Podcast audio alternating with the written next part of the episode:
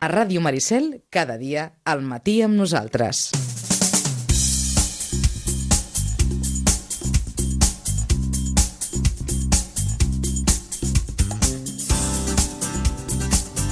Bé, doncs, com els dèiem, una mica d'informació esportiva, el temps de descompte més curtet de l'habitual, tingut els esports allò a cavall entre dos caps de setmana, hi ha qui ha jugat el, el cap de setmana del 3 i el 4, hi ha qui ho ha fet en, en, en menor mesura aquest darrer cap de setmana, però bé, d'entrada ens permetran dos noms propis d'esportistes sitgetans. El primer, el de la jove escaquista Martina Lázaro, que amb el seu actual equip, el Club d'Escacs Valls, s'ha proclamat campiona de la Copa d'Espanya en la categoria sub-12. La Copa d'Espanya, en la seva tretzena edició, es va disputar del 8 a l'11 de desembre a les instal·lacions de l'Hotel Bali de Benidorm. La Martina que va disputar el quart taulell sumant 6 dels 7 punts possibles. Una Martina Lázaro que, recordem, ja va obtenir el títol de campiona de Catalunya per equips el passat mes de novembre. I l'altre nom propi, el d'Eric Roqueta, que el passat 9 de desembre anunciava la seva incorporació com a preparador físic del conjunt mexicà del Puebla. Segona etapa de Roqueta a Mèxic, després, com saben, d'una primera al Chivas de Guadalajara i després de passar també per Alemanya, on ha estat fins fa poquet el responsable de la preparació física de l'equip Sols 19 del Bayer Leverkusen.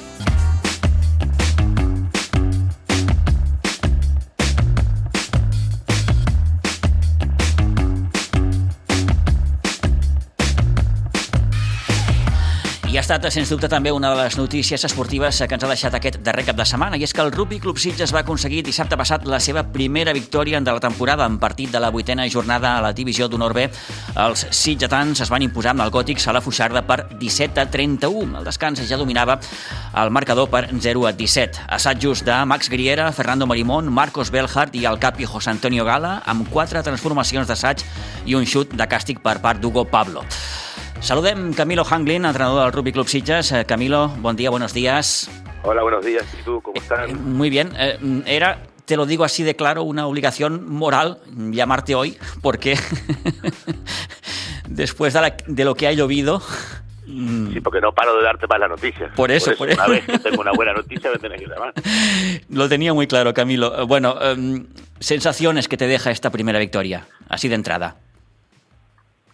Bueno, que es, el, es, es el, un escalón en, en, un trabajo que hemos hecho. Hemos llegado de a poco trabajando, no es una, una victoria que se da por casualidad. Ya el fin de semana pasado estuvimos muy cerca de conseguir la victoria y, y, y fue eso, fue trabajar el equipo hasta intentar juntar las piezas. Tal hemos hablado de esto en otras ocasiones, Pito, nuestro equipo empieza tarde, porque vienen todos los chicos de trabajar, de hacer sus cosas en el verano y entonces tardamos en estar en, en ubicar las piezas, ¿no?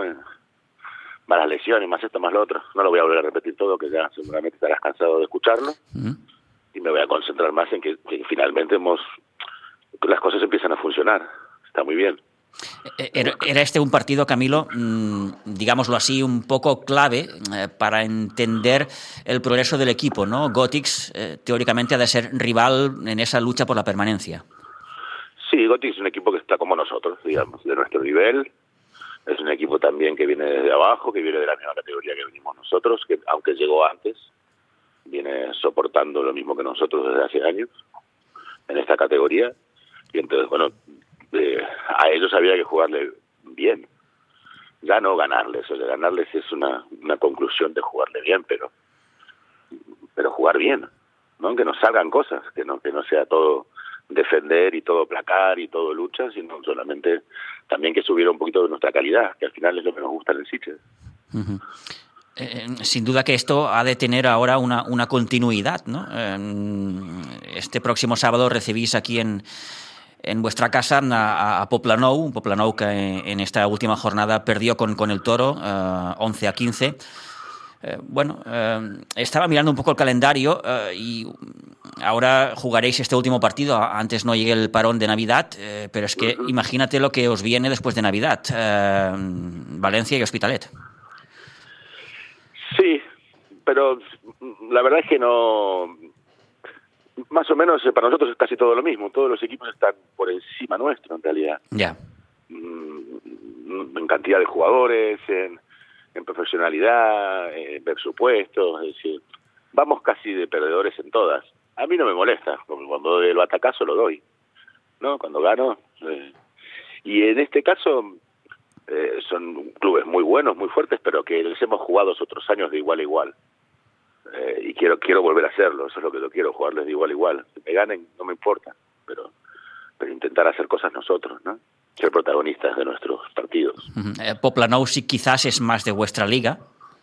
Sí, sí, bueno, el año pasado le ganamos, uh después vinieron y nos ganaron. Es un buen equipo, digamos. Eh, yo creo que está un poquito por encima nuestro, pero eh, lo bueno de que tiene el rugby es que cualquier día malo te gana cualquiera. Es una de las cosas buenas, ¿no? Digamos que un muy buen equipo que tiene un día malo, un equipo no tan bueno que tiene un muy buen día te gana. Porque el rugby con, con corazón y tirando para adelante y con las estructuras que tenemos armadas podemos ganarle, no te voy a decir a cualquiera, porque tampoco estoy loco, pero podemos hacerle un buen partido a, a muchos equipos que por, en los papeles estarían por encima nuestro. ¿Cómo, ¿Cómo se recibió esta primera victoria, Camilo? Eh, poco eh, privada, eh, te lo digo en este sentido, digamos, como por cómo se están dando los fines de semana cuando volvimos de, de Gotix, estábamos solamente los que fuimos a Gotix. Mm. En un día frío y con el Mundial y con estas cosas, y entonces estuvimos más bien entre nosotros. Eh, ya, la, ya la, la, estábamos deseando y esperando, ¿no? Se recibió como un descanso para muchos de nosotros. Respiramos, porque y también por lo que vos decís que es, era un partido importante porque el, el Gotix es nuestro rival directo para el para descender digamos así que hay que había que intentar ganarlo y se ganó. Pero bueno un, un poco un poco hacia adentro digamos como equipo. No lo ya. festejamos tanto como eh, también cuando vos venís perdiendo perdiendo perdiendo perdiendo perdiendo es la afición tampoco te acompaña tanto. Es otra vez perder otra vez perder. Entonces claro cuando ganás después de haber perdido tantas veces, estás un poco solitario. Eso es una alegría contenida, ¿no? En cierta manera. Sí, exactamente. Mm. Sí, tampoco, tampoco festejemos tanto porque no podés gritar, vamos campeones. ¿no? Que vamos, ganamos uno de otro. Bueno. De acuerdo, de acuerdo. Pero bienvenida sea esta primera victoria. Nada, Camilo, queríamos un poco mm, contrastar esas sensaciones después de este primer triunfo. Te lo agradezco uh, una vez más. Uh, y bueno, a, a, por la segunda este sábado con, con Poplanou. Sí, sí, sí, sí, lo vamos a intentar, Pidu, con todo nuestro corazón, que es lo que nos toca. Además es un fin de semana importante, está la fiesta del club, hacemos, vanita, vanita a comer un poquito de asado el domingo, si querés, uh -huh. estaremos ahí. Es un fin de semana gracioso en el club, todos jugamos en casa y nos encantaría darle ese, ese regalo a, a nuestros a nuestros hombres, pues, club y mujeres. De acuerdo, Camilo, muchísimas gracias, mucha suerte, una vez más. A ti, un abrazo.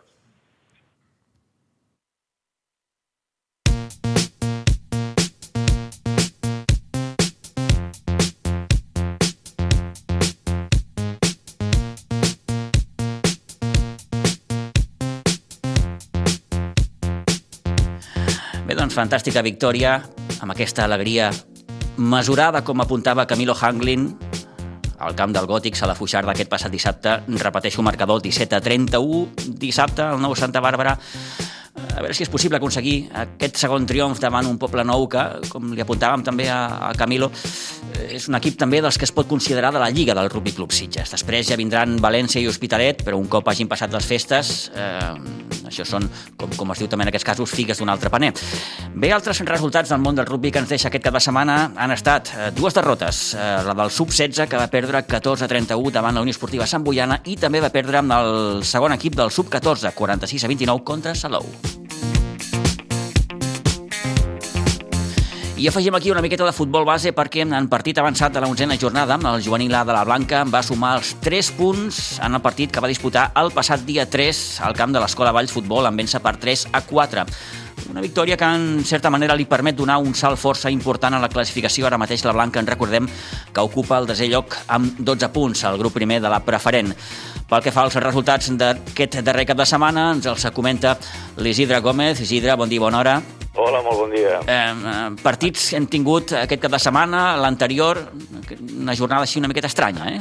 Pues aquesta jornada ve des de l'11, de, del 17 de novembre. Imagina't, imagina't. Eh, crec que hi ha hagut 8 partits, 8 equips de la Blanca han jugat, els altres 8 no, no han jugat. Bueno, eh, sí, eh, la jornada aquesta l'hem partida amb les dues setmanes, el 3 i 4 vam jugar i aquesta setmana el 10 i 11 ha acabat el, el resto. Uh -huh.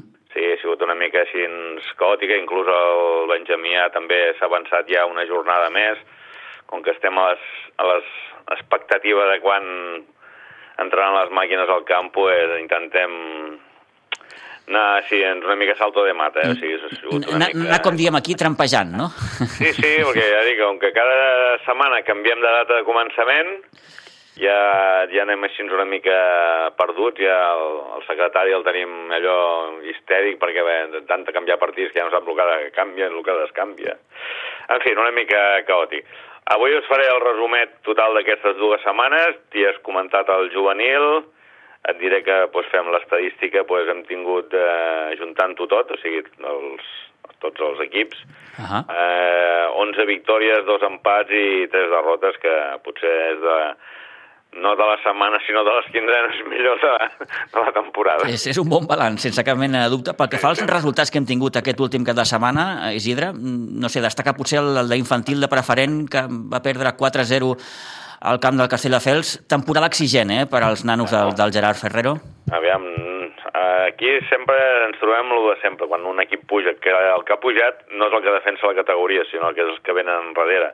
I clar, es troben amb un meló que, que déu-n'hi-do. Parla, ja dic, la preferent infantil, eh, ja pots començar a trobar equips eh, de, de campanilles, que en diuen, eh, i que són complicats.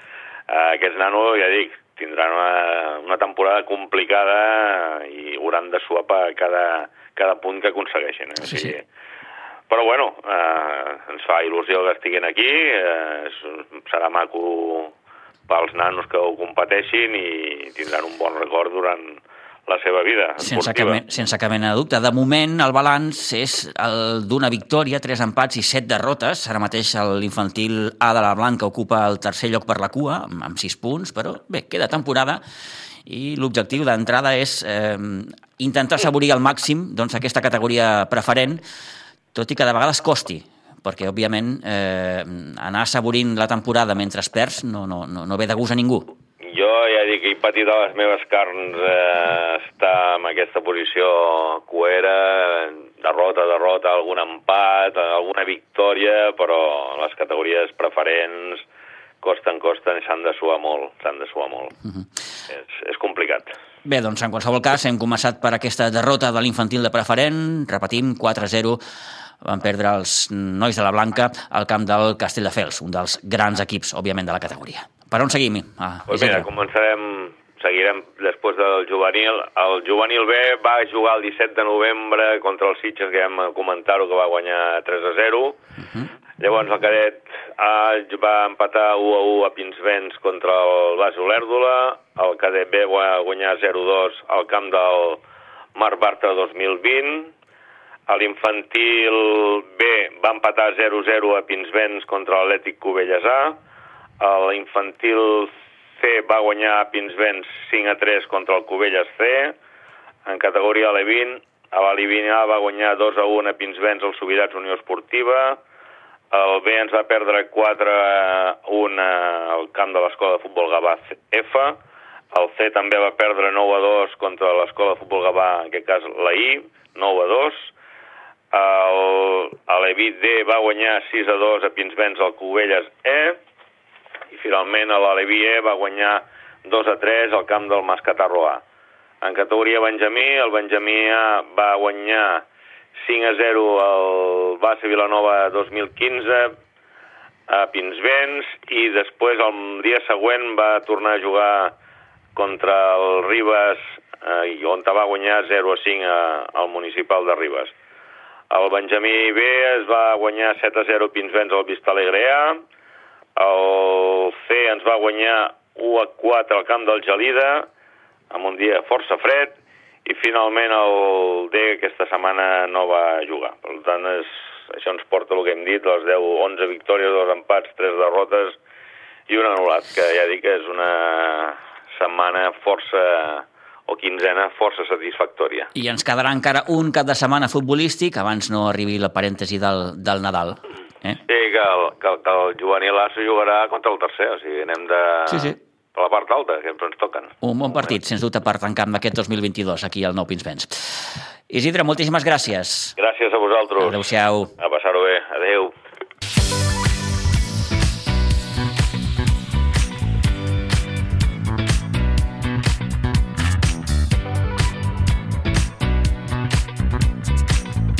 Onze i pràcticament 48 minuts del matí, bon balanç, com ens en recordava l'Isidre Gómez pel que fa a aquesta doble jornada, aquesta jornada tan partida que hem tingut en matèria de futbol base pel que fa als equips de la Blanca amb Subur, i els minuts que queden abans no arribem a les 12 ens han de servir per analitzar una miqueta com ha anat aquesta jornada a segona i tercera catalana, la segona i la tercera catalana de futbol. Eh, destacant, òbviament, i així per començar, la derrota del primer equip de la Unió Esportiva Sitges eh, 2 a 1 al camp del eh, Gavà. En aquesta jornada també així una miqueta partida, sobretot a tercera catalana, perquè recordem que el Sitges B va disputar el seu partit el passat dia 3 de desembre, partit avançat, eh, per no haver de coincidir amb aquesta segona part del pont, el conjunt d'Àlex Villalgordo, que es van dur eh, la victòria 3 a 1 eh, davant eh, la Múnia. D'aquí uns moments, en companyia d'Antoni Muñoz, per tant, analitzem aquesta jornada a segona i tercera catalana.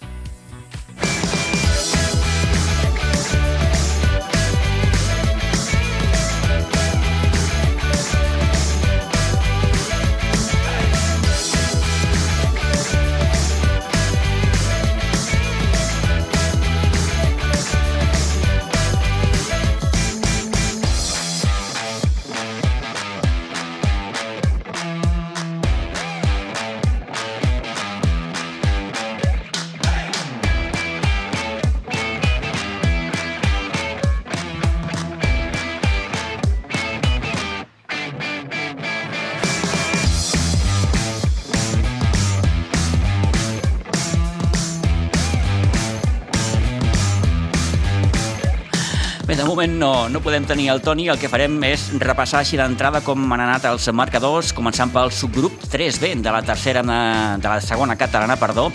Descansàvem aquesta jornada amb el club de futbol Cubelles. La resta de marcadors han estat el Sant Feliuenc B en 0, Moja en 2, victòria per tant pel conjunt de Manel Rodríguez.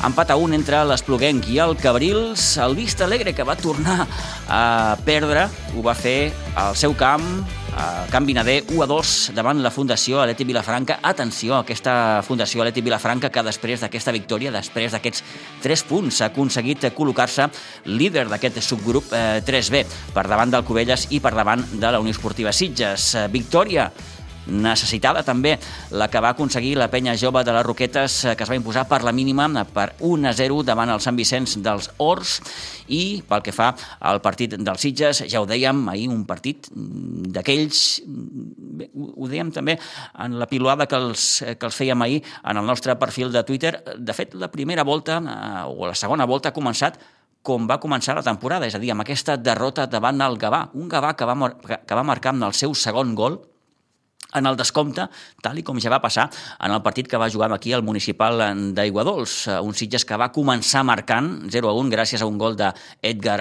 Dobles, un mes en el seu compte personal, i el Gavà eh, que va patir eh, un parell d'expulsions, per tant va haver d'afrontar la part final del maig amb nou jugadors, va ser capaç de marcar dos gols, el segon, com dèiem, en el temps de descompte. Derrota d'aquelles que bé, mm, fan, fan mal per a uns Sitges que després de perdre amb aquests tres punts eh, perd fins i tot eh, la segona posició, ja que ara mateix el conjunt de Toni Salido és tercer a la classificació amb 25 punts. Com queda la classificació? Doncs, com dèiem, la Fundació Aleti Vilafranca lidera eh, la, la taula amb 27 punts, seguit del Cubelles amb 26, el Sitges ara mateix tercer amb 25, el Gavà, que és quart ara mateix, en té 16, per tant, una miqueta el que diem cada setmana, i aquest, mm, aquesta, aquesta gran diferència entre el tercer i el quart classificat ara mateix de 9 punts. 16 punts també suma el Moja de Manel Rodríguez, 14 per l'Espluguenc, 13 per al Sant Vicenç dels Horts, 10 punts per al Vista Alegre, 8 punts per la Penya Jove.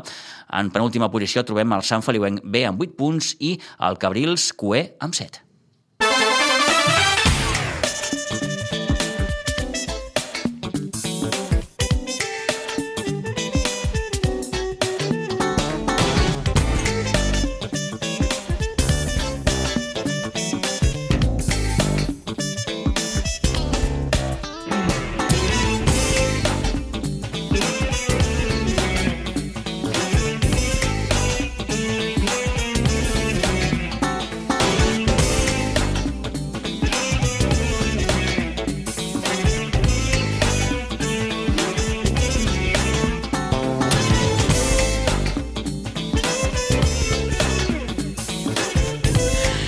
11 i gairebé 53 minuts del matí. Vinga, abans de saludar el Toni, repassem una miqueta com ha anat la jornada del grup 12 de tercera catalana, destacant, com dèiem també ara fa uns moments, aquesta victòria que va aconseguir el passat cap de setmana amb el Sitges B a Iguadols, 3 a 1 davant la Múnia, un Sitges B que de moment guanya tot el que juga a casa. Ha aconseguit 7 victòries, per tant ha sumat aquests 21 punts al conjunt d'Àlex Villalgordo, eh, situació que l'ha dut a ocupar ara mateix el segon lloc de la classificació. En una jornada en què eh, destaca també l'empat a un que va aconseguir l'Olivella eh, davant el Vilanova del Camí, davant el líder. Per tant, són els dos primers punts que cedeix el eh, Vilanova del Camí aquesta eh, temporada sí que encara tenia un coixí força important el Vilanova del Camí a la classificació que continua manant amb 34 punts. El Sitges B ara mateix és segon amb 26 ara sí, em diuen que tenim el Toni ja al telèfon. Toni, bon dia, bona hora.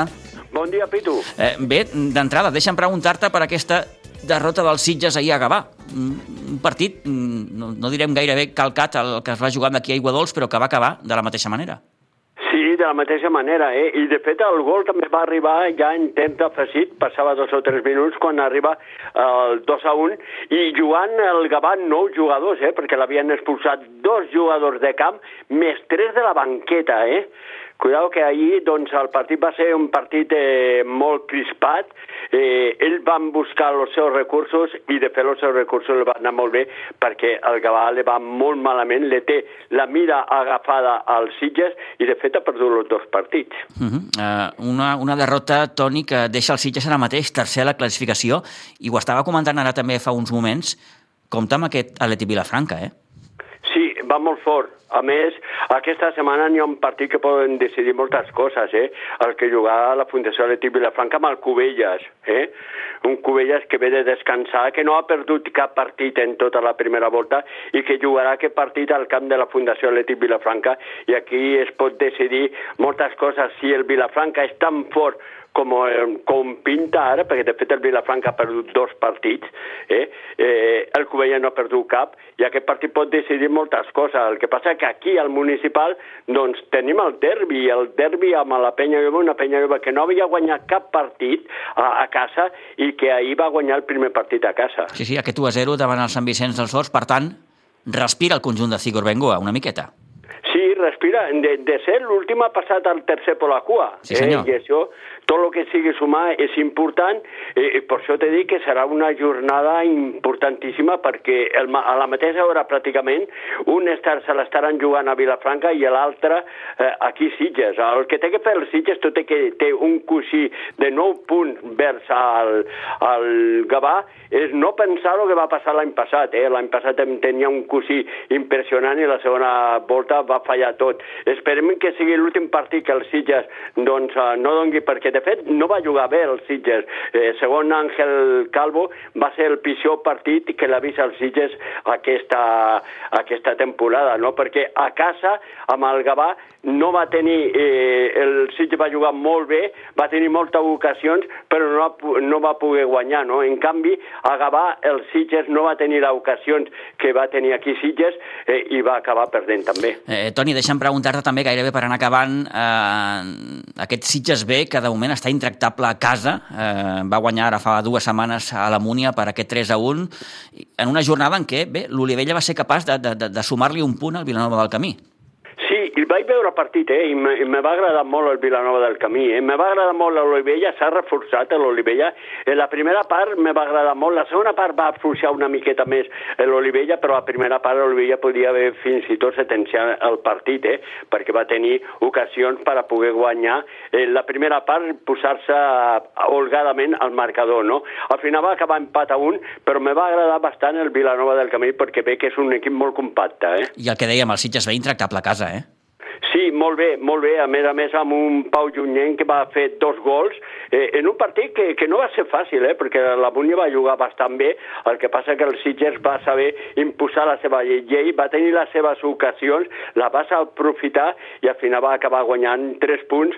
Tres punts que fa que el Sitges estigui a dalt del tot, eh, sigui segon, amb el Rodivilles eh, al costat, però, però compte que aquesta jornada doncs, n'hi ha un partit important perquè el Sitges té que anar a, a les cabanyes i, a, i el Rodevilles juga al camp de l'Olivella, eh? per això que pot passar moltes coses. D'entrada, el que sí podem dir és que fa patxoca veure aquest Sitges B en el segon lloc de la classificació. Sí que la distància amb el Vilanova del Camí és de, és de 8 punts, eh, però bé, repeteixo, eh, mires la classificació i te n'adones d'aquesta gran temporada que un any més està fent el filial del Sitges, que com ens recordava el Toni, haurà de jugar en aquest cap de setmana al camp de les Cabanyes, les Cabanyes que està eh, quart per la cua ara mateix, en una jornada en què, eh, Toni, ara sí acabem amb això, el Ribas no va tenir compassió del Badia del Vallès, li va fer un 1 a 8.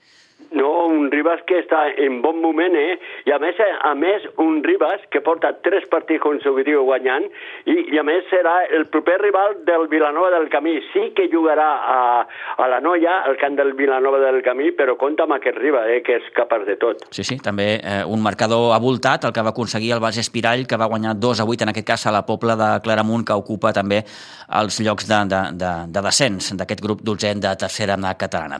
Doncs molt bé, Toni, gràcies per ajudar-nos una setmana més a analitzar aquesta segona i tercera catalana futbolística. Que vagi molt bé i ens tornem a saludar divendres, d'acord?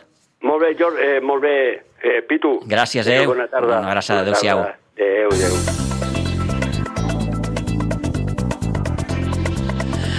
Doncs amb la informació esportiva acabem aquesta edició, aquest arranque de setmana a la sintonia de Ràdio Maricel, arribant gairebé a les 12. Per tant, moltíssimes gràcies a tothom per fer-nos confiança un dia més. Tornem demà, com sempre, a partir de les 9. Adéu-siau.